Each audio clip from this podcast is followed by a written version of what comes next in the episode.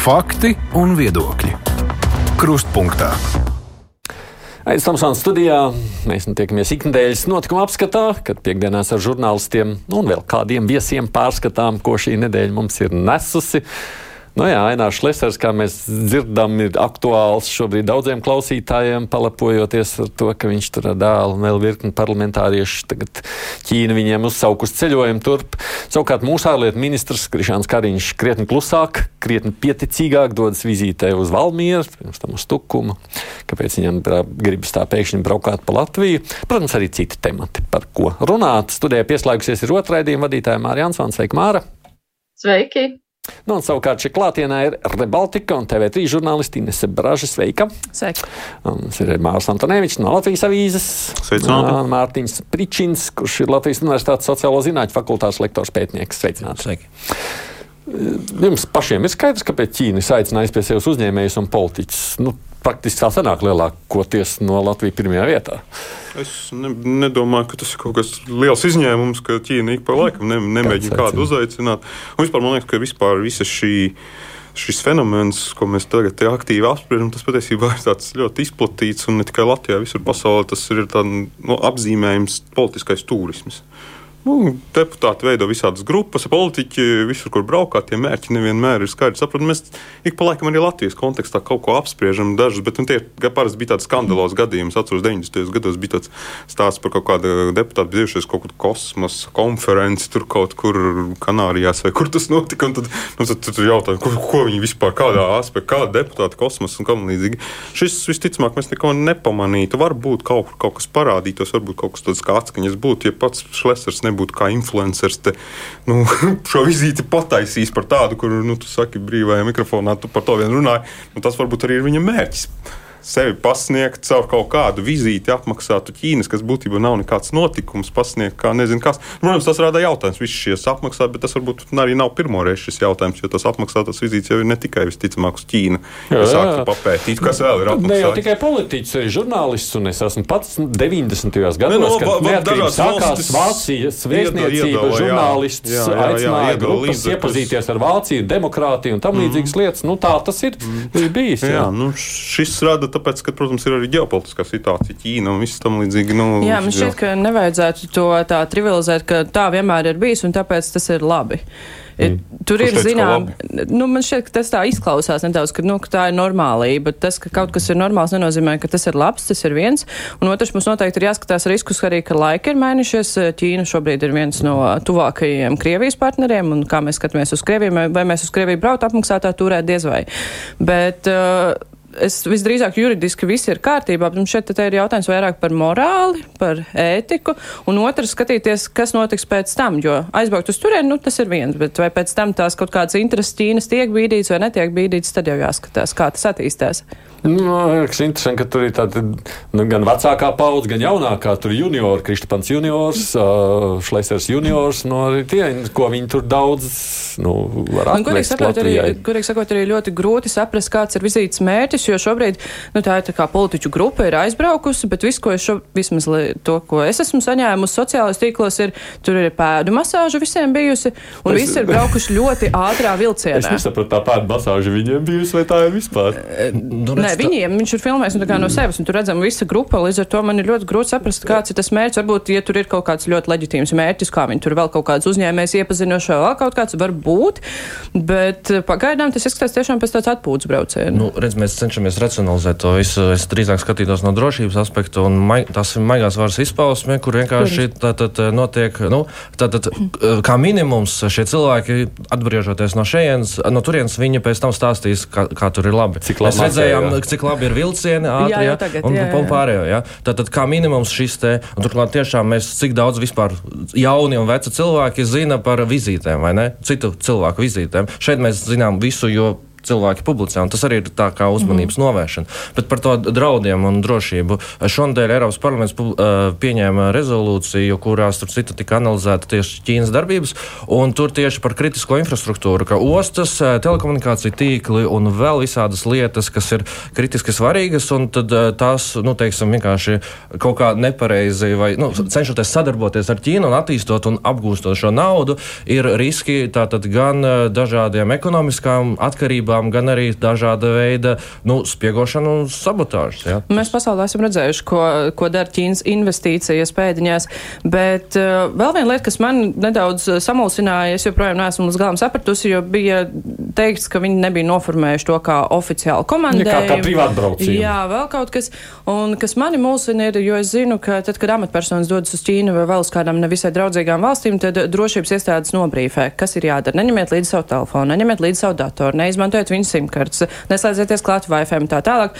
Un um, mans jautājums, tad, ko es gribētu saprast, ir, vai kāds viņus ir nobrīfējis, jo šie cilvēki strādā saimā, viņiem ir uh, saimas pieeja, saimas uh, datiem, informācijai, ja viņi ar savu datoru pieslēdz kaut vai viesnīcas numuriņu Wi-Fi, tā visa informācija var nonākt Ķīnas rokās. E, ja, bet, ja tiks, piedodiet, es pirms mārta tiks pie vārda, es mēģinu saprast, Ķīnā taču internets ir ierobežots, vai ne? Tur tāda Twitter vispār nevar būt pieejams, Facebook tur šis aizliegtās lietas, bet viņi jau liek iekšā šajos tīklos. Jā, tas tehniski interesanti. Un nu, nianses, jā, tur ir kaut kādi ierobežojumi. Es domāju, ka vietējie tajās nevar. Es domāju, ka tie visi tie interneta ierobežojumi vairāk, vairāk tiešām ir, lai tur kaut kāda opozīcija, tur jā, nu, kaut kāda nerastos kaut kādi starptautiski.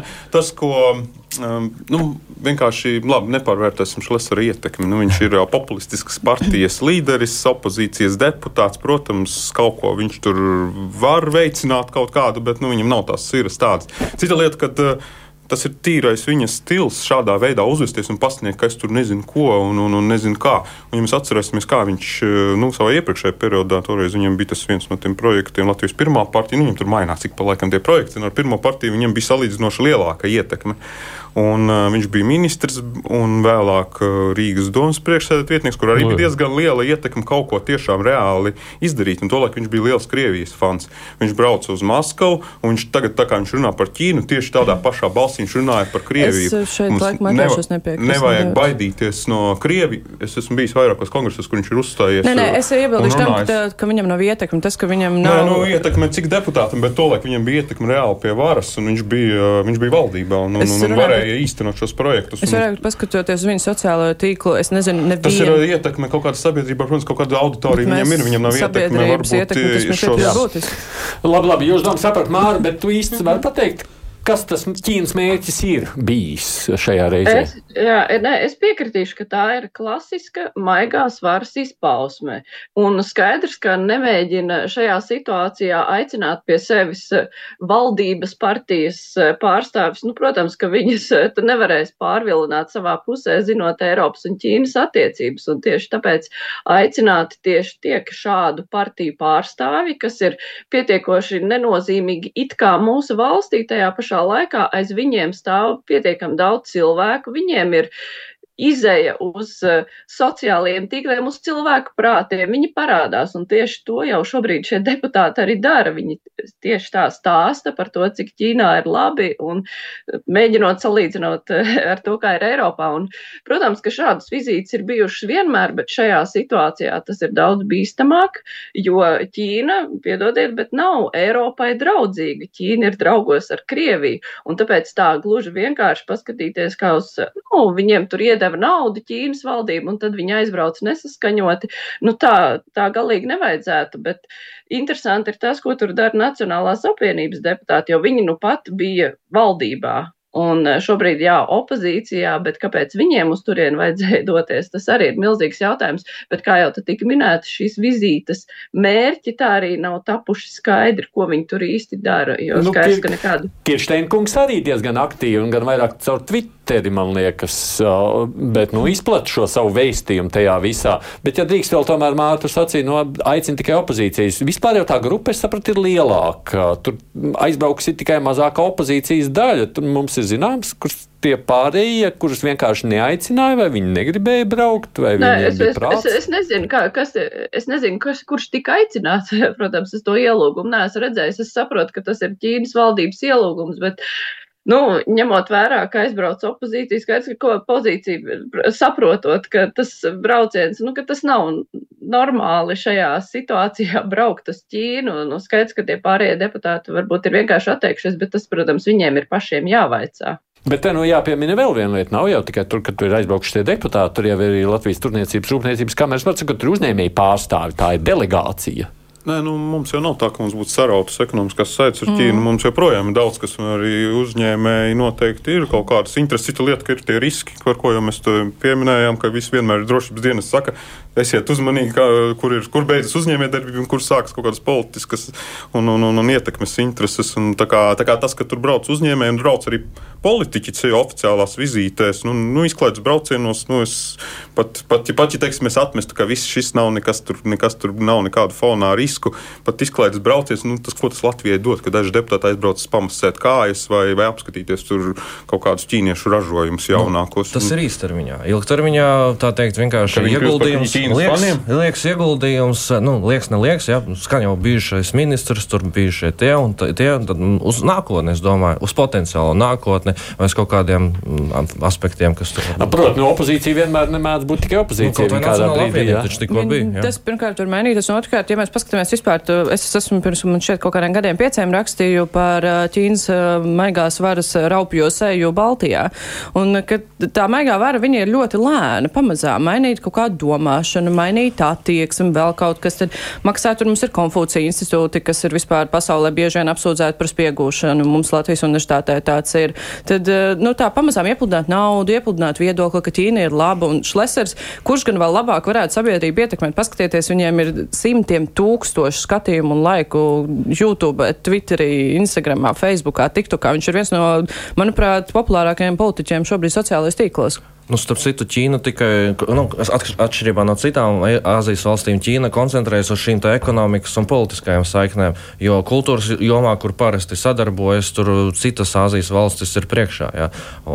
Daži pētījumi tur ir bijuši studenti vidū, mm. piemēram, kur tiešām kultūra ir tā joma, kur Ķīna īsti nu, var neattīstīt to sadarbību ar Latviju. Jā, nu, bet es arī mazliet nepārspīlēju to Ķīnas iespējas, jo nu, mazliet arī tās metodas, ar ko viņi te darbojas, nevienmēr viņi saprot šo reģionu. Un, un kā tā, jā, tā, jā, varbūt Šlesers viņiem ir izdevīgs iegūms, jo viņš tur sociālos tīklos māca atrast cilvēkiem pieeju, bet te pašā laikā pati Ķīnas vēstniecība, mēs atceramies, kādus viņi pirka Rīgā plakātus, un bija, tas bija kaut kas dīvains, kaut kādi tur uh, komunistiskās partijas, kaut kādu kongresu bildes, un tam līdzīgi sākt arī publikācijas bija mēdījos vairākās lapās. Nu, es pat nezinu, kādu auditoriju tas te Latvijā varēja sasniegt. Tā viens... vienkārši naudas kaut kāda iztērēšana. Tāpat laikā, kad brauca Dalai Lama, nu tad viņi, viņi Ķīnas vēstnieks panāca plakātu noņemšanu ielās. Viņš panāca, ka telpas tiek atteiktas Dalai Lamas vizītei, un tas nebija tā, ka viņi kaut kā tur dusmīgi vai kaut kā, viņi vienkārši piezvanīja Saimnes ārlietu komisijai, toreiz Ojārs Eriks Kalniņš bija, viņš pats man arī stāstīja to rakstā, kas ir publisks,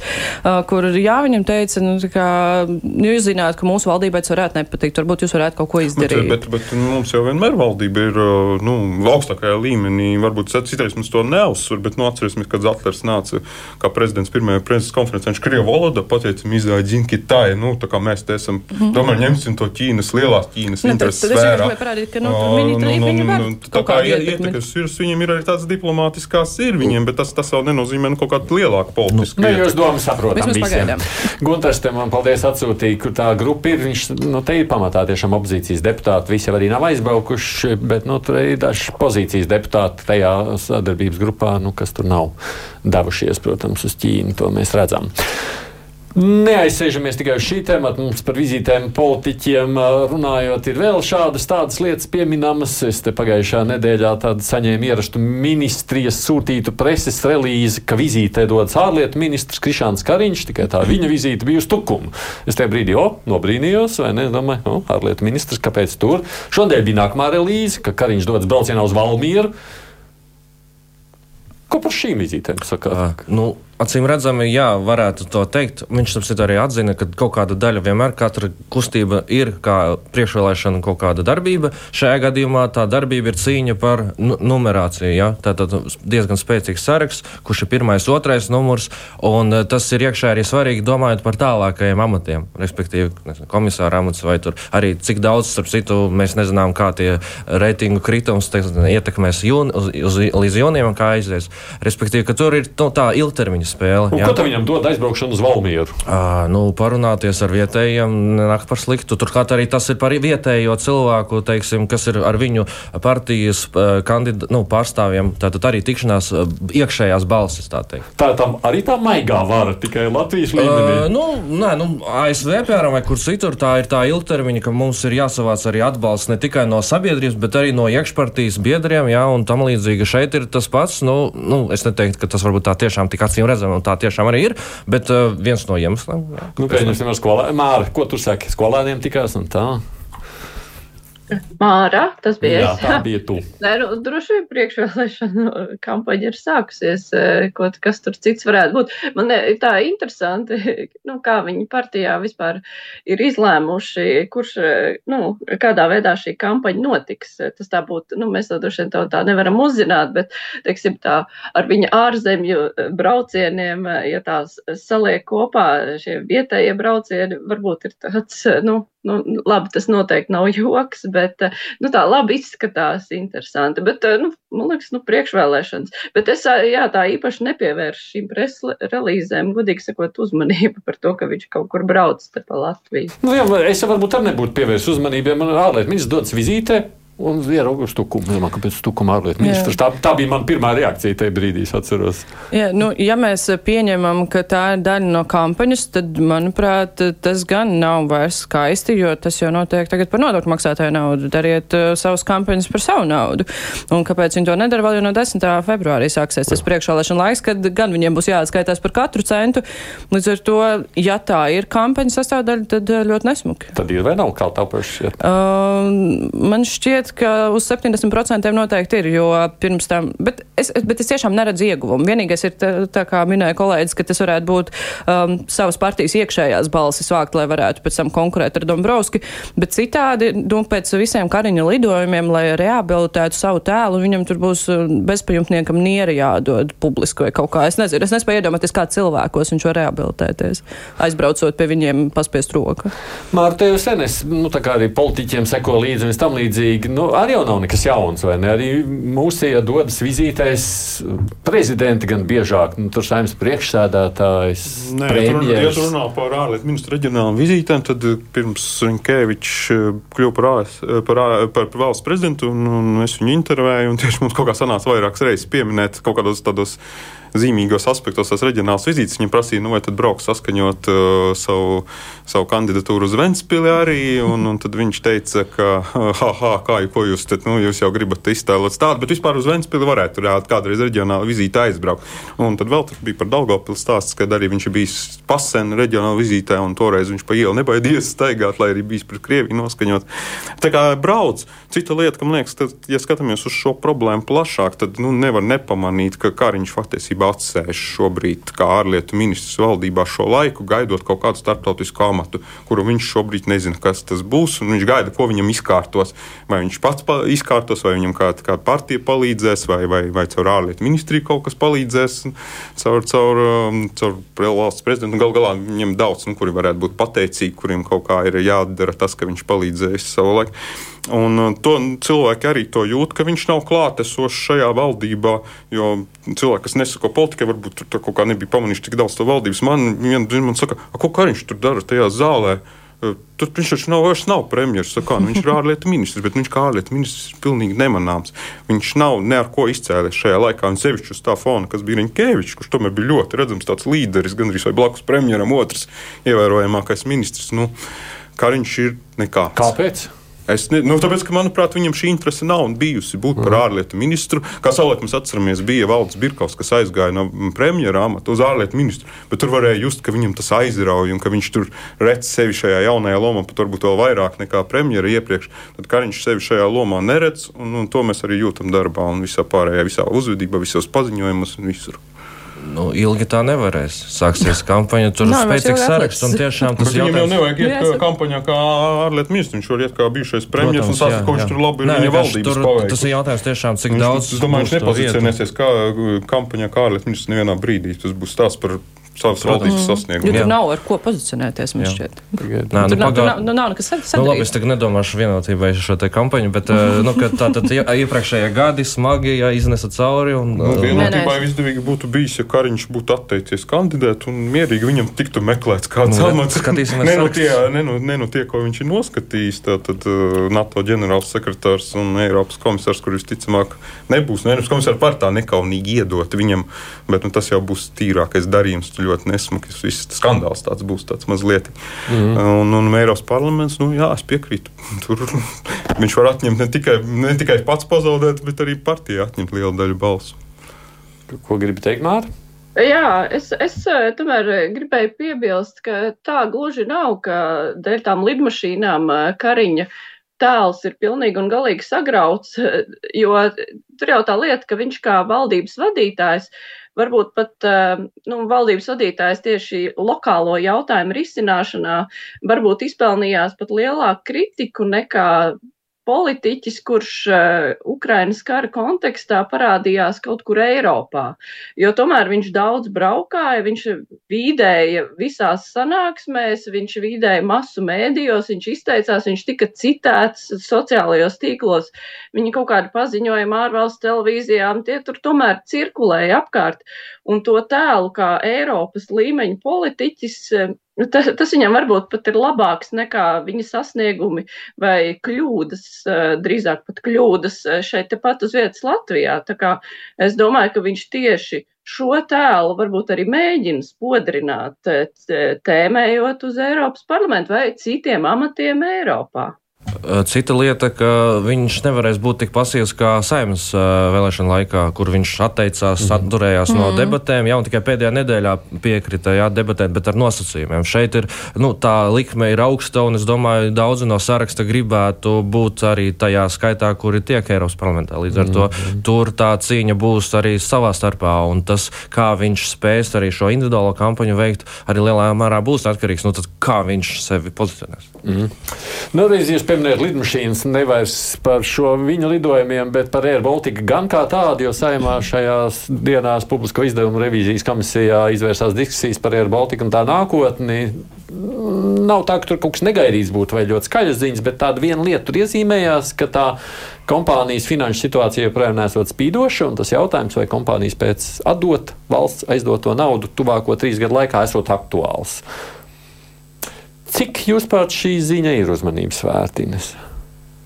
Man jāsaka godīgi, ka es uzticēšos kolēģiem, jo šis ir jautājums, par kurā es neesmu iedziļinājusies, Aha. un es, man nav viedokļu visos jautājumos, un šis ir viens no tiem. Varat kāds kolēģi komentēt par šo, jo no otras puses ir Baltika naudas aizdošana savulaik Covid krīzes laikā bija viena no lietām, kas arī Karina laikā tik ļoti apspriesta publiskajā telpā. Man ir jautājums, kas ir jauns šajā ziņā, jo, manuprāt, stāsts par to, ka Air Baltica ne tikai nespēs atdot, bet visticamāk prasīs vēl papildus valsts naudu. Šis jautājums ik pa laikam parādās. Mm, jautājumu formā, dažreiz apgalvojumu formā. Mēs esam aizdevuši šādu Eiropas komisijas at, at, at, atbalstu tikai, atļauju tikai tā, ka viņi atdod līdz 27. Mm. gadam pusmiljardu. Jā, nu, tad, tad acīm redzot, būs jāmeklē. Nu, man interesants uz šī visa ar Baltiku fona nevis šis par šo naudas jautājums, bet šis jautājums par tām akcijām, kuras pēkšņi bija izteikuši gatavību nopirkt Igauni, Lietuvieši. Tas taču arī ir naudas avots, ja tur runā nu, jā, par naudas avotiem. Bet cita lieta, tas ir jautājums, vai tas ar Baltiku tik, ja tur ir aktīvi iesaistās Igauni un Lietuvieši, kuru kuri tā teikt, atnāk pie galda jau gatava uzklāt uz pie sava, vai tas būs tāds ar Baltiku, kā mēs, kā mēs esam pieraduši, vai tur netiks, netiks būtiski mainīts, un ka tā vairs būs kā avio kompānija, kas Latvijā bāzē. Bet nu, tas ir jautājums tālākā nākotnē, kad šie darījumi būs notikuši. Tas šobrīd vienkārši interesanti, ka tā interese ir parādījusies. Jā, bet tas viss tas ir savstarpēji saistīts, jo tas ir jautājums par naudas esamību vai trūkumu un to, kā šī kompānija tālāk tiks pastāvēt. Nu jā, un no publiski teiksim, šis te izskan, nu, ka tiešām, ja iet tur Skotijas biržā vai kā tur to sauc. Ja? Tātad, un šeit parādās ziņas, ka nespēja tur atmaksāt vai vēl kaut kas, tas jau tā kā pazemina to vērtību. Cenu, jā, taisnība, jā. Nu, jā, un līdz ar to tas ir arī, nu, un to, to pauda Latvijas valdība, es, es pareizi atceros. Līdz ar to tas ir tas jautājums, nu, cik strateģiski mēs tai lietai pieejam, jo tad arī to, to līdzekļu ienākumi būs krietni zemāki, ja mēs tiešām to sākam darīt. Nē, ir jau tā, ka īstenībā Latvijas politiķi tā kā saka, nē, šī informācija slepena, mēs jau tur neko daudz, bet nu, tas tur visur vīd cauri, nu, tādos atsevišķos zemtekstos, Mārk, tu esi kaut ko pamanījis tajā? Ja, par šo jautājumu ir ārkārtīgi grūti runāt, tāpēc, ka tur trūkst informācijas. Ar Baltikam viss ir slepeni, mēs īsti nezinām, kādi, kādas ir viņu spējas sadot šo parādu, un tāpēc kaut kā saprast, ar ko tas īsti beigsies, ir ārkārtīgi grūti, tāpēc es arī izvairīšos nu, tālāk kaut ko spriest. spriest. Gaidām, jā, bet nu, es vienīgi piebilstu tik daudz, ka nu, man liekas, ka Dāvija biznesa kopumā ir tāds, sevišķi, ja tur valsts iesaistīta, un zinām arī Itālijas avio kompānija, Vācijas, visur, visur ir kaut kādas valsts piešķirtas bijušas. Es nezinu, kā tiešām tur nu, speciāls... tur beigās taisīt jaunu kompāniju. Jā, jā, nu, no, no, nomainīt nosaukumu vienmēr. No, tik viegli nebija tur. jā, bet no, arī Lufthansa galu galā, nu, flagmanis, kur mēs zinām, tomēr. Tur arī tā kā viss tas bizness ir diezgan, diezgan vienmēr bijis tāds jūtīgs un diezgan sarežģīts. Jebkurā gadījumā valsts neapšaubām ir ieinteresēta, lai tai būtu tā savu mm, nu, tā nacionāla avio kompānija, tāpēc ka tas ir milzīgs iegūms, protams, arī ekonomiski beig beigās visiem iedzīvotājiem. Es atgādinu tikai šeit mums ir Mārtiņš Pričins no Latvijas Universitātes, Mārs un Nevičs Latvijas avīzes, no Rebaltika un TV3 Inese Brāža un man kolēģi Mārija Ansona. Raidījums Krustpunktā. Nu, ja par kaut ko var runāt, tad tas ir par jūsu savukārt ja, veidoto dokumentālo filmu sēriju, par ko arī sociālos tīklos izvērsušās šajās dienās diskusijas, un tie komentāri nav bijuši arī visi tikai pozitīvi skatoties uz to, kas tas ir labi. publiskajā telpā. Droši vien vienīgais sākumā mūsu klausītājiem, lai man nav jāpārstāst dažos teikumos izstāstīt par to, par ko tad ir seriāls un par to reakciju. Uh, Rebaltika dokumentālais seriāls Šķelšanās Šeit nosaukums jau paskaidro, tas ir par šķelšanos sabiedrībā dažādos līmeņos, un mēs esam vairāk mēģinājuši apskatīt laiku kopš Krievijas pilnmēroga iebrukuma Ukrainā. Tātad šajos divos gados. Jā, jums ir, ir vairākas sērijas paredzētas. Jā, ir četras sērijas katru svētdienu, un uh, tur ir tā arī sadalās. Pirmais ir šķelšanās personīgā līmenī, tad ir šķelšanās vairāk reģionālā līmenī, šķelšanās valstiskā līmenī, un tad pēdējā sērija ir par sociālajiem tīkliem. Tā kā tu minēji sociālajos tīklus, kad naids sociālajos tīklos kļuva par normalitāti. Nu, runājot par to pirmo un skatoties uz to reakciju, tu teici, tas ir labi, ka kritizē, jo. Um, tas nu, parāda pirmkārt, ka, ka kāds ir skatījies. Tas, -hmm. tas jau ir labi. Varēja būt sliktāk, varēja neizraisīties nekāda diskusija. Otrs, man patīk, ka cilvēki diskusē, diskus, diskutē, jo tad ir, tas nozīmē, ka mēs esam likuši viņiem domāt, mēs esam kaut kādas sajūtas viņos um, rosinājuši. Un uh, tad ir, ja ja ir kaut kāds viedoklis, tad ir iespēja sarunāties. Es, mēs arī paši cenšamies atbildēt, ja, ja tas ir uh, pieklājīgā veidā uzdots jautājums sociālajos tīklos, es vienmēr atbildu, tāpat kā mani kolēģi. Un man šķiet, tas veido to diskusiju, kur mēs varam viens otru mēģināt sadzirdēt, jo tas ir par to, ka mēs bieži runājam, bet nedzirdam, un šeit ir iespēja varbūt sadzirdēt vienam nu, otru. To, ka mēs esam sašķelti sabiedrību, tur, protams, nebūtu daudz ko diskutēt pašā laikā, kur tā šķelšanās robeža iet, laikam tas ir tas, kas to strīdus izraisa. Nu, te parādījās mm -hmm. diskusija, nu, Latgali un Latvija mēs tiešām tā varam nošķirt un sacīt, mēs arī necentāmies šķirt. Tad... Mēs necentāmies šķirt Latviju, Latviju un Latgali, bet mēs uh, tomēr, nu, būtu muļķīgi domāt, ka Latgala nav nedaudz citāda nekā šeit Rīgā. Un otrs ir tas, ka mēs ļoti daudz runājam, piemēram, par Daugavpilu, bet nekad nerunājam ar Daugavpilu vai ļoti reti runājam ar Daugavpilu.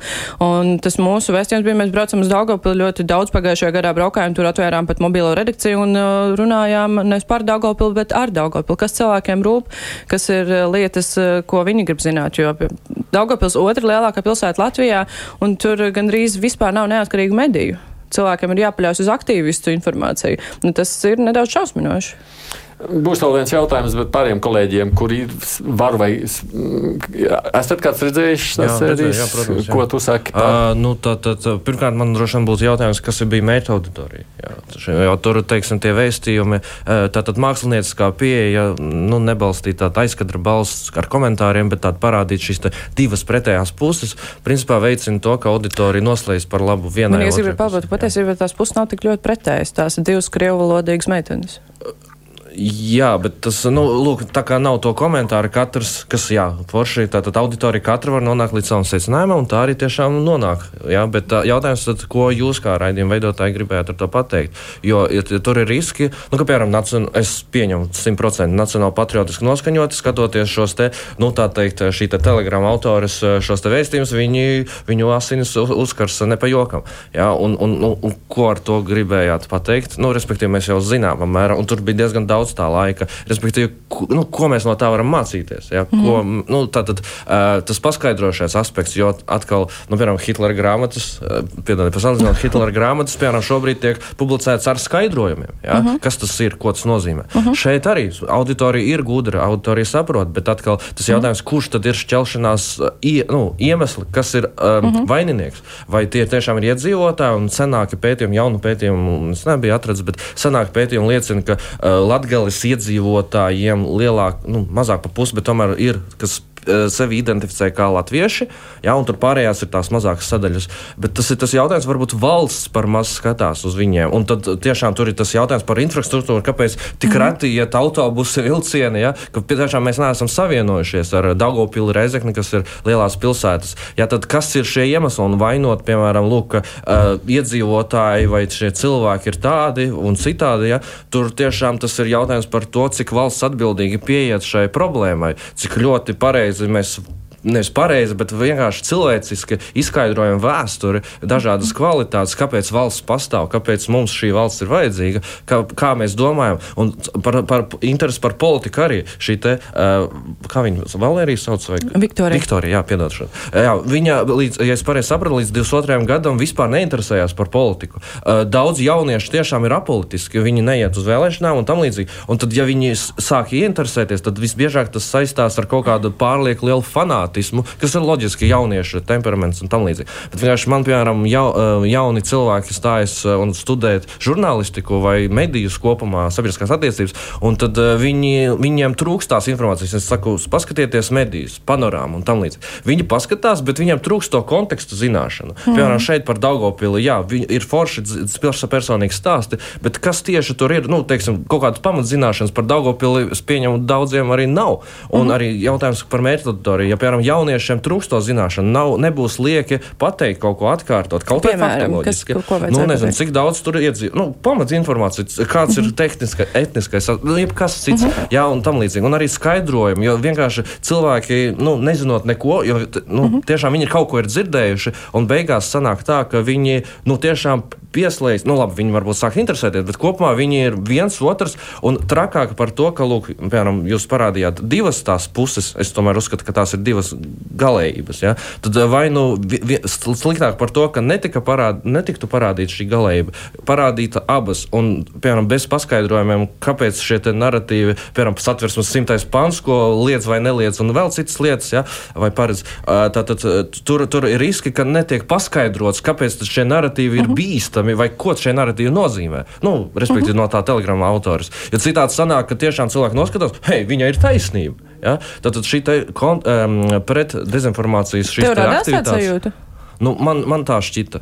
Te, nē, tev radās tāds sajūta, ka viņai ir taisnība. Uh, nu, es, es kā pētnieks es vienkārši redzu, ka tur nav paskaidrojuši aspekti. Vai tev radās tāds sajūta, ka viņai ir taisnība? Nu, labi. Jūs tā es vienkārši domāju, nu, kāpēc jā. mēs auditoriju uzturam par dumjākiem nekā mums, mēs, bet, bet es, paska, es atbildēšu, protams. Pirmkārt, man gribas domāt, ka Latvijas sabiedrība ir ļoti gudra. Un man Bet tas, kāpēc mums nav teicēji, piemēram, es piekrītu, ka varbūt man pat pašai, ja es būtu režisors šīs filmas un režisors Ruģis Olta, fantastisks režisors, es pat tik pa laikam teicu, klausies, bet mums vajadzētu kaut kādu kontekstu iedot, vai mums vajadzētu paskaidrot, varbūt tas bija šīs sarunas, bet Ruģis vienmēr, tāpat kā arī mums bija seriāls Karms Latvieši, vienmēr uzstāja, ka ne, mums nevajag barot ar karotu cilvēku. Cilvēki ir pietiekami gudri, lai viņi iz, paši izdarītu secinājumus. Bet bija arī kaut kāds vietas, kur tie secinājumi tomēr bija. Un, tā kā saka, ka tur vispār nevarēja saprast, kāpēc tā ir radies, nu, tur bija kaut, kā, kaut kādas lietas, ko tomēr, un manuprāt, diezgan daudz, kurus varēja saprast. Nu, piemēram, kā abas šīs daļas, šīs puses ietekmē saturs, ko tās patērē sociālajos tīklos. Jo Alla, piemēram, kļuva par Ukrainas atbalstītāju vai Krievijas noliedzēju tikai tad, kad viņi sāk skatīties Navaļnī video, kas viņu ietekmē pilnībā viņas dzīvi. Tāpat kā Viktorija, kas pirms kara bija apolitiska, pēkšņi sāka telegramā sakot līdz visādiem Kremļa propagandas kanāliem. Kā tur jau skatās uzmanīgi, noteikti var. Es pieņemu kritiku, kritika ir laba, bet. Nē, es pieļauju, ka šādās reizēs mēs arī katrs no savu mākslinieci, kā no savas pieredzes skatāmies. Mēs, kas pieredzējušāki, vienādi vērtējam, iespējams, jaunieši, kā saka mums Mārtiņš, skatās citādi. Mārtu gribēja ko sacīt? Ah, nē, es ar interesi klausījos diskusijā. Es, diemžēl, pati neredzēju. Bet man, nu, teiksim tā, runājot par, pirmkārt, šī, šī tēma ir tāda, kur ir, es apbrīnoju drosmi, jā, ķerties tai klāt, jo parādot šādu tēmu, nu, tur var iemantot ārkārtīgi daudz ienaidnieks no visām pusēm, jo cilvēki kā jau tā ir, varbūt pats esi pamanījis, spēj vienu un to pašu lietu saprast absolūti dažādi. Un es personīgi neesmu no tiem, kuriem patīk Eh, dokumentālās filmas ar paskaidrojumiem. Man vairāk patīk dokumentālās filmas, kur es pati varu vienkārši vērot un izdarīt secinājumus. Bet, eh, nu, jā, ir gana daudz cilvēku, kuriem varbūt patīk, ka viņiem, eh, kā jau Inês pieminēja, ar karoti lej mutē kaut kādu patiesību.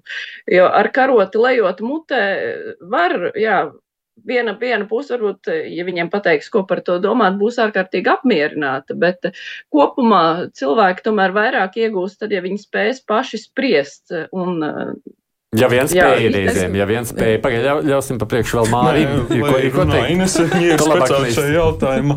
Nē, es arī neesmu redzējis filmu, tāpēc saturu nekomentēšu, ne, ne, neskatījos, nav viedokļi.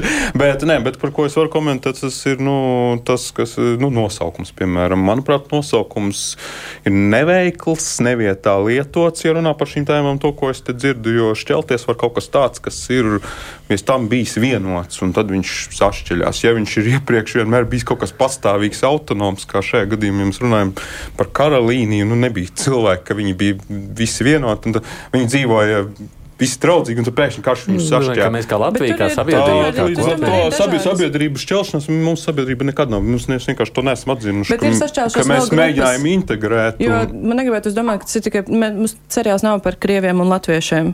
Seriāls ir par sabiedrības kopumā, un tur ir, piemēram, internetā tas naids tomēr ir radies šajā laikā krietni lielāks. Viņš un... ir vienkārši varbūt gājis vaļā, atgājis vaļā, kaut bet kādā ir, veidā viņš ir bijis. Bet, piemēram, šīs meitenes, kas ir sašķēlušās, viņu, viņu dzīves ir sašķēlušās tieši pēc kara sākuma. Līdz ar to nu, pēc pilnmēroga mākslinieciski tā, bet visi, to... kas saka, neskatoties šo filmu, uztver, uztver šķelšanās bet, sabiedrībā, bet, ka bieži lietots termins, diemžēl novazāts un, diemžēl, visbiežāk Labi, mēs nākamreiz aicināsim jūs, kad mums vajadzēs nosaukumu. nē, nē, ja jūs gribat vispār, lai mēs šeit par to diskutējam, tad varam, mēs varam neko neteikt. Es, es gribēju jautāt, bet beigās jūs gribat nonākt pie, nu, kas būs tas, ko jūs, es pieļauju, kas mazliet skrienas priekšu, bet, nu, būs tās mhm. sērijas līdz kādiem secinājumiem jūs beigās nonākat? Jeb, kas ir tas, ko jūs gribējāt pateikt, jeb, nu, pie kā, mm -hmm. ko mhm. jūs pateiksiet beigās ar šo nu, sērijām?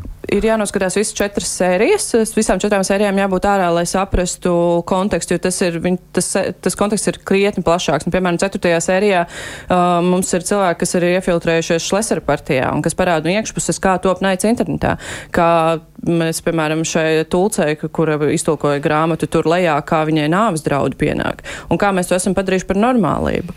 Un līdz ar to mēs, esam, mēs parādīsim no iekšpuses, kā šis saturs tapa, kā nevis tas, ka šiem cilvēkiem neinteresē uh, kaut kādas grāmatas, kas viņam interesē laiki un šēri Facebookā. Un tas ir tas, uz ko viņi strādā. Bet par šķelšanos runājot, vēl viens interesants, uh, kas tagad faktors ir bijis, ir bijis viena sērija, ir, ir, un ir šī reklāmas plakāta, kas mums ir Rīgas ielās redzami. Un uh, tie plakāti ir sadusmojuši gan ļoti nacionāli noskaņots cilvēkus, tas, ka viņi ir redzējuši vienu slaidu no plakātiem, slaidos ir četri plakāti, un tad šo pašu vienu slaidu ieraugot vai otru slaidu ieraugot ir ļoti dusmīgi palikuši arī tādi ļoti krieviski noskaņoti cilvēki. Un šie krieviski noskaņotie cilvēki, vai nes krieviski noskaņots, nezinu, krievalodīgie cilvēki, prokrieviski, daļa prokrieviski, daļa krievalodīgi, viņi bija sapulcējušies un pat gājuši uz vienu no tirzniecības centriem un laust nost šo, šo plakātu, kas nav plakāts fizisks, tas ir digitāls, viņi gājuši laust nost un, un kā redz pret viņiem kaut kas, lai gan patiesībā tas aicina uz dialogu. Un tas ar šiem plakātiem kaut kādā mērā mēs esam daļai savienojuši sabiedrību, jo visi ir dusmīgi. Bet es ceru, ka tas rosinās diskusijas tiešām šajos vairākos šķelšanās līmeņos, kā es minēju. Un, uh, pēc, pēc tam, tad, kad viss sērijas būs ārā, mums būs vēl viens pasākums, kur, par kuru es pagaidām vēl skaļi nevaru runāt, bet eh, tad noteikti uz visiem jautājumiem varēs atbildēt. Noskatīsimies un tad arī komentēsim. Bet mēs pieminējām Krieviju un emociju, un te nu eh, jāatzīst savukārt es esmu saņēmis pēdējā laikā ar vien biežāk vēstules ar satraukumu par tām ziņām, kas, lūk, arī skan publiskajā telpā, arī mūsu medijā, Latvijas radio, ka, lūk, pieaug piespēja, ka Krievija kaut ko varētu darīt Latvijā. Nu, zinām, arī Krievijas politologi ieminēs, ka Krievija varētu gribēt kaut kādu nezinu, vienu hibrīdu operāciju pret Latviju, lai novērstu kaut kādu mūsu uzmanību no Ukrainas un likt vairāk pievērsties pašiem. Māra, ko tu atbildi? Un tas attiecas mums visiem. Ko tu atbildi ļaudīm, kas satraucas šobrīd? Nu, ne, man, man tā gluži nav prasīts, bet, eh, teiksim, ja man vajadzētu sev atbildēt, kā es jūtos par to, eh, man šķiet, ka pirmkārt šī, nu, mēs atceramies, pirms gada mazliet mazāk bija ļoti aktuāla kodolieroču vicināšana, viss pasaules atraucās, bet beigās izrādījās, ka tas tomēr uh, Eiropu un ASV mobilizē kaut ko vairāk darīt Ukrainas labā. Uh, Tagad nu, viņiem nāk vēlēšanas, viņiem atkal ir jāžvadzina šī ieroča, atomieroči nenostrādāja, nu tad eh, mēģina tagad eh, žvadzināt un draudēt eh, valstīm, kuras ir tepat tuvumā. Nu, tā ir tā pati politika, vienkārši mazliet citā izpausmē. Es nedomāju, ka ja kaut kāda provokācija notiktu, ka tas novērst uzmanību no Ukrainas tieši otrādi. Uh, tas liktu vēl ar dubultu spēku censties palīdzēt Ukrainai tikt galā ar Krieviju tur, nevis uh, mēģināt kaut kā no viņiem novērsties. Tā kā tas efekts droši vien būtu pretējs tieši. Nu, labi, tu saki šādi. Ziņās neapšaubām, man šodien vismaz divas vai trīs ziņas bija arī par šo. Tur Sārtkungs izteicies, nu, ka tuvākā ne vidējā perspektīvā jāskatās. Šorīt ar man liekas viena ziņa redzēja Mārtiņu ko atbildēt ļaudīm, kas saka, viņi ir nemierīgi? Uh, nē, nu, manuprāt, šajā ziņā laba bija valsts lab, valsts prezidenta ieraksts, jā, to arī tiražēja mediji, tātad, kur tātad bija gan mierinošie aspekti, gan arī skaidri, nu, skaidri tie virzieni, kur būtu jāstrādā. Tas ir jautājums, vai šajos virzienos tiek strādāts. Ja? Un, eh, nu, tas ir ļoti svarīgi. Tiešām viens ir mierināt, otrs ir teikt, saprast, kas mums ir aiz muguras. Daudzas lietas varbūt nav publiskas, ja? bet tomēr tad, nu, šai drošības sajūtai ir jābūt ne tikai vārdos, bet arī darbos. Un tad droši vien sabiedrībai arī būtu vēlams redzēt šos te, nu, kaut vai, piemēram, patvērtņu jautājumus, ja? kur tad, ja, tas patiešām satrauc nereti cilvēkus. Mm -hmm. Un tad uh, kaut kādas ziņas laikam bija par to, ka sāk apzināt to, bet uh, nu, tas ir reāls aktuāls jautājums, nu, kas būtu jādara, ja, piemēram, tas ir fiziski par drošību. Nu, tas ir gatavošanās. gatavošanās. Jā, nu es pavadīju vairākas nedēļas, mēģinot apkopot visu šo tēmu, jo tā tieši tā, tā tēma, man liekas, ir ļoti svarīga un būtiska. Mēģinot apkopot, un, manuprāt, tur jāizdala, kas tas avots, no kura nāk šie potenciālie draudi, jo mm. ir vairāki avoti. Jā. Ir daži jāņem nopietni, daži varbūt arī var. Un pirmais tas ir Kremļa propaganda, tur nav nekā jauna, viņi mums draud jau daudzus gadus. Mm. Un, un ik pa laikam šis to varonis sāsinās, ik pa laikam viņš tiek atslābināts.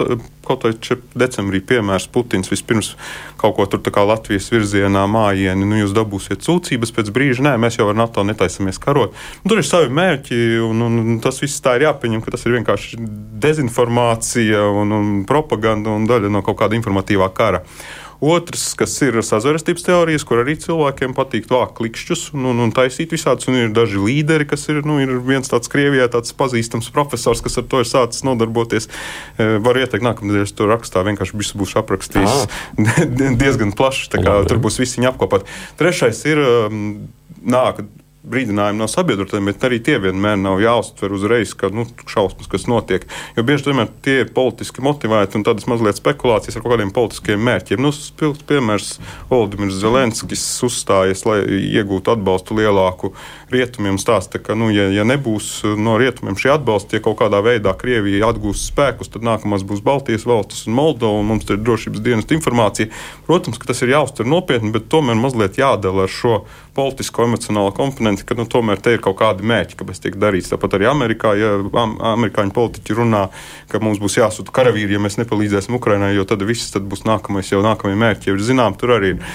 Un trešais, kas ir, nu, ka ceturtais, kas ir visnopietnākais, kas ir parādījies pēdējā laikā īpaši daudz, ir dažādu ekspertu un arī spēcdienestu atklāti paziņojumi. Spēcdienestu pārstāvju vadītāji, bijušo vadītāju, cifu vadītājs nesen bija runājis, eh, kur tiešām ir daļa no šīs izlūkdienestu informācijas. Un, un es domāju, ka tas tiek vērtēts nopietni un arī nu, dažādos līmeņos šī reakcija ir nevēl. Tagad, piemēram, mums būs NATO mācības mm. vēsturē lielākās kopš augstā kara beigām un tam līdzīgi. Un, nu, tas, ko es esmu runājis ar ekspertiem, lai mazliet nomierinātu sabiedrību, ka tāds iebrukums kā Ukrainā nevar notikt tā pēkšņi. Šo, šodien mēs guļam un rītdien iebrukt. Nu, tur būs vairāki mēneši, kuru mēs laikā. Ukrainā patiesībā redzējām, ka nu, jā, spēku savilkšana un, un tam līdzīgi. Un, attiecīgi, visticamāk, šajā brīdī, kad redzot kaut kādu šādu pārvietošanos ar NATO, uzreiz ir jāieslēdz cits ātrums un jāsavilk mm. te spēki. Nu, tad tas var notikt, ka vienkārši stāv karaspēks pret karaspēku, kā tas bija Rietum Berlīnē. Un vienkārši nekas tālāk nekustās, jo visi saprot, ja tikko kustēsies, jūs tur viss, tas būs pavisam pat vēl trakāk nekā Ukraina. Nu, kas ir riski, tie ir hibrīda karš un visādi tādi. Nu, Uh, uzbrukumi sistēmām, GPS traucējumi, kā mēs tagad dzirdam, un tam līdzīgi. Nu, tas ir īsi atbildi.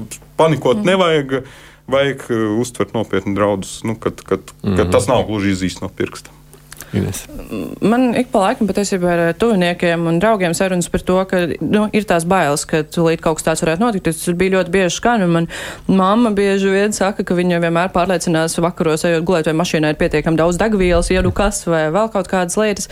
Bet eh, tad, kad eh, es, tad, kad es par to domāju, es domāju, jā, vajag uztvert nopietni, bet to enerģiju, ko gribētos eh, novirzīt bailēs, nu, ko, mēs, ko, ko es kā cilvēks varu izdarīt. Es varu sēdēt un baidīties, tā, bet no tā nekāda labuma nebūs. Bet uh, varbūt ir vērts uzdot sev jautājumu, kā tās bailes es varu novirzīt enerģijā, kas attur vai attālina šo iebrukumu. Nesponsorēt Krievijas kara mašīnu, nepirkt viņu preces, uh, nezinu, neskatīties viņu šovus, neskatīties viņu seriālus, kas šobrīd arī ir ļoti populāri latviešu vidū patiesībā uh, viņu izdotie seriāli vai filmas. Nekādā veidā ne, nepalīdzēt Krievijai un visos veidos palīdzēt Ukrainai, jo Ukraina attur, attur Krievijas tālāku izplatību, Krievijas karaspēku tālāku izplatību citās valstīs. Bet to mēs šeit to enerģiju, ko mēs gribētu novirzīt bailēs, mēs varētu kaut kā produktīvi, nezinu, adīt zeķes vai, vai nu ko, nu kurš var un kaut nepirkt preces Krievijas. Skatīties, kā mēs kā katrs varam kaut ko darīt. Mm -hmm. Labi, Māra, raksts būs jālasa nākošajā nedēļā. uh, Nu, viena tāda ziņa, droši vien, kā Kalmāra, tad man pirmā tev jāprasa, tāpēc, ka tu nu esi radio un TV, radio un TV tiks apvienots. Tad nu, šī ir tā nedēļas ziņa, kas, kā tur tika pieminēts, 11 gadus, bet nu, patiesībā ir garāk nekā 11 gadus. Pilnīgi noteikti tas nu, ir nolemts. Ko tu saki par šo rezultātu? Nu, es neesmu to vidū, kas ir pret apvienošanu. Man šķiet, nu, radio tomēr ir visu laiku gaidījis kaut kādu izaugsmu, nu, kaut kādus labākus laikus. Man tomēr šķiet, ka apvienojot, ka drīzāk ir cerība sagaidīt šos labākos laikus, eh, to, ka mūsu iestādē būs konkurēt spējīgāks atalgojums un visas pārējās lietas, jo apvienojoties eh, noteikti nebūs sliktāk. Un es saprotu bažas par to, ka nu, mēs zinām tos, to naudas daudzumu, kas ir nepieciešams, lai varētu šī apvienošanās būt izcila. Un skaidrs, ka valstī tādas naudas nav. Bet tomēr nu, tā apņemšanās tuvākiem trīs gadiem, ko ieguldīs sabiedriskajos mēdījos, tas, kas jau ir nu, teikt, pateikts un uz papīra uzlikts, ka tas ir pietiekoši nopietni un tas pilnīgi noteikti ir labāk nekā nedarīt neko. Tā man šķiet. Nu, kas būs tālāk? Mēs jau varētu gribēt, lai visi saimnes deputāti, ministri parakstās ar asinīm, ka tālāk tas ieguldījums būs uh, vēl lielāks un labāks. Bet nu, skaidrs, ka tā tās lietas nenotiek. Bet uh, es domāju, ka sākums ir pilnīgi normāls. Nu, tajā pašā laikā, ja tu lidot pārējiem vārdu, nu, šajās nedēļās un mēnešos saimnes deputāti un arī ministri, vispār politiķi ir sasolījuši vairāk nekā. Nu, nekā iepriekš šķita, ka viņi varētu sasolīt. Nu, Galu galā arī mēdīju attīstībai. Ne? Nē, no solījumi, protams, ir uh, lieli un cerams, ka to varēs izpildīt. Mēs zinām, ka nevienmēr budžets visu atļauj izpildīt. Bet uh, nu, es domāju, ka nu, galvenais, ka ir kaut kāda apņemšanās darīt beidzot, jo tas tiešām ir vilcies ārkārtīgi ilgi. Un eh, nu, tā, tā muļāties īsti jau vairs nevar. Nu, tā, nu, tā vienkārši nav jēgas nekādas. No arotbiedrības vēstule, ko es zinu, ka Latvijas raidījuma arotbiedrība izplatīja arī ja tieši ar to pašu domu, jau tur apakšā ir, ka, nu, lūk, te nu ir. Tad nu, turam pie vārda, apmēram tad, kad tas būs jārealizē. Jūs esat skatītāji un klausītāji, kam būtu jābūt tam ieguvumam no šīs apvienošanās, jūs prāt?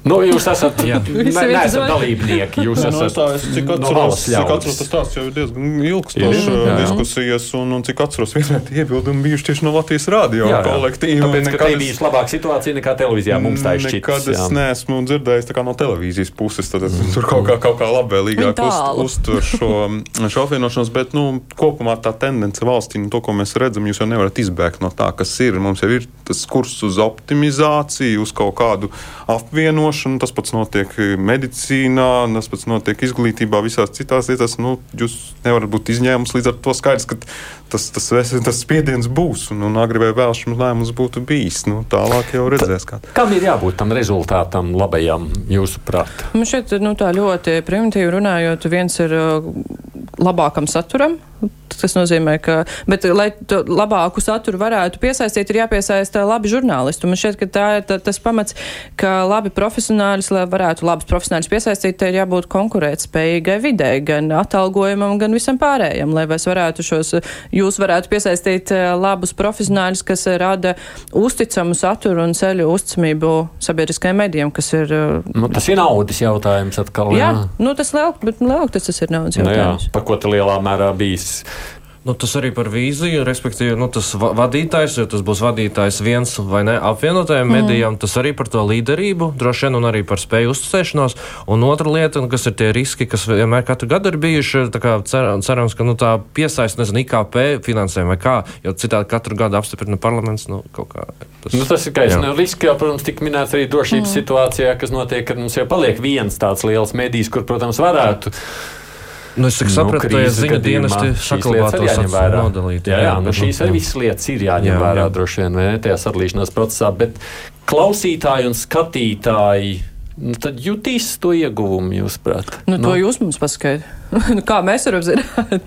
Cerēsim, es, es Nē, nu, gribētu. jautājums, vai tie ir vieni tie paši, vai tie, kas skatās televīziju, klausās arī rādījus. Ticamāk, tie ir dažādas mm. auditorijas, un katrs sagaida kaut ko varbūt citu no tā visa. Redziet, tas, kas tajā, nu, šajā mūsdienu realitātē, tā jāsaka, tiek galvenais minēts, ir tā tehnoloģiskā, digitālā Jā. tehnoloģija attīstība kam tur būtu jā, nu, ko mums, vajag, kā, ko mums kā sabiedrībai vajag? Nu, droši vien, lai jāsaka. nedublētos. Nu, respektīvi, lūk, jau ir viens ļoti labs radio raidījums, ka to var padarīt pieejamu, nezinu, piemēram, arī audio-vizuāli, jā, un tad arī, nu, īsāk sakot, ka visur ir pieejams visās platformās visiem, jā, tad, jo citādi Latvijas radio ir daudz foršu raidījumu, kuri kaut kur paslēpjas arhīvos, jā, un tad mhm. neviens, nu, īsāk sakot, tā piemība, pārskatāmība, ka katrs saprot, ka, lūk, sabiedriskais medijs izveido izveido kaut ko, un tas ir pieejams visur. Nu. Jā. Saklausāmāk visiem jā. citiem. Jā. Nu, labi, es neturpināšu ne ar ko jaunu, arī tāpēc, ka laiks mums praktiski ir izbeidzies. Inese Brāža no Rebaltika un TV3, Mārcis Antonēvičs no Latvijas avīzes, Mārtiņš Pričins no Latvijas Universitātes sociālo zinātņu fakultātes un kolēģi Mārija Ansona. Paldies jums par šīs dienas satikšanos un pieslēgšanos un arī analīzi.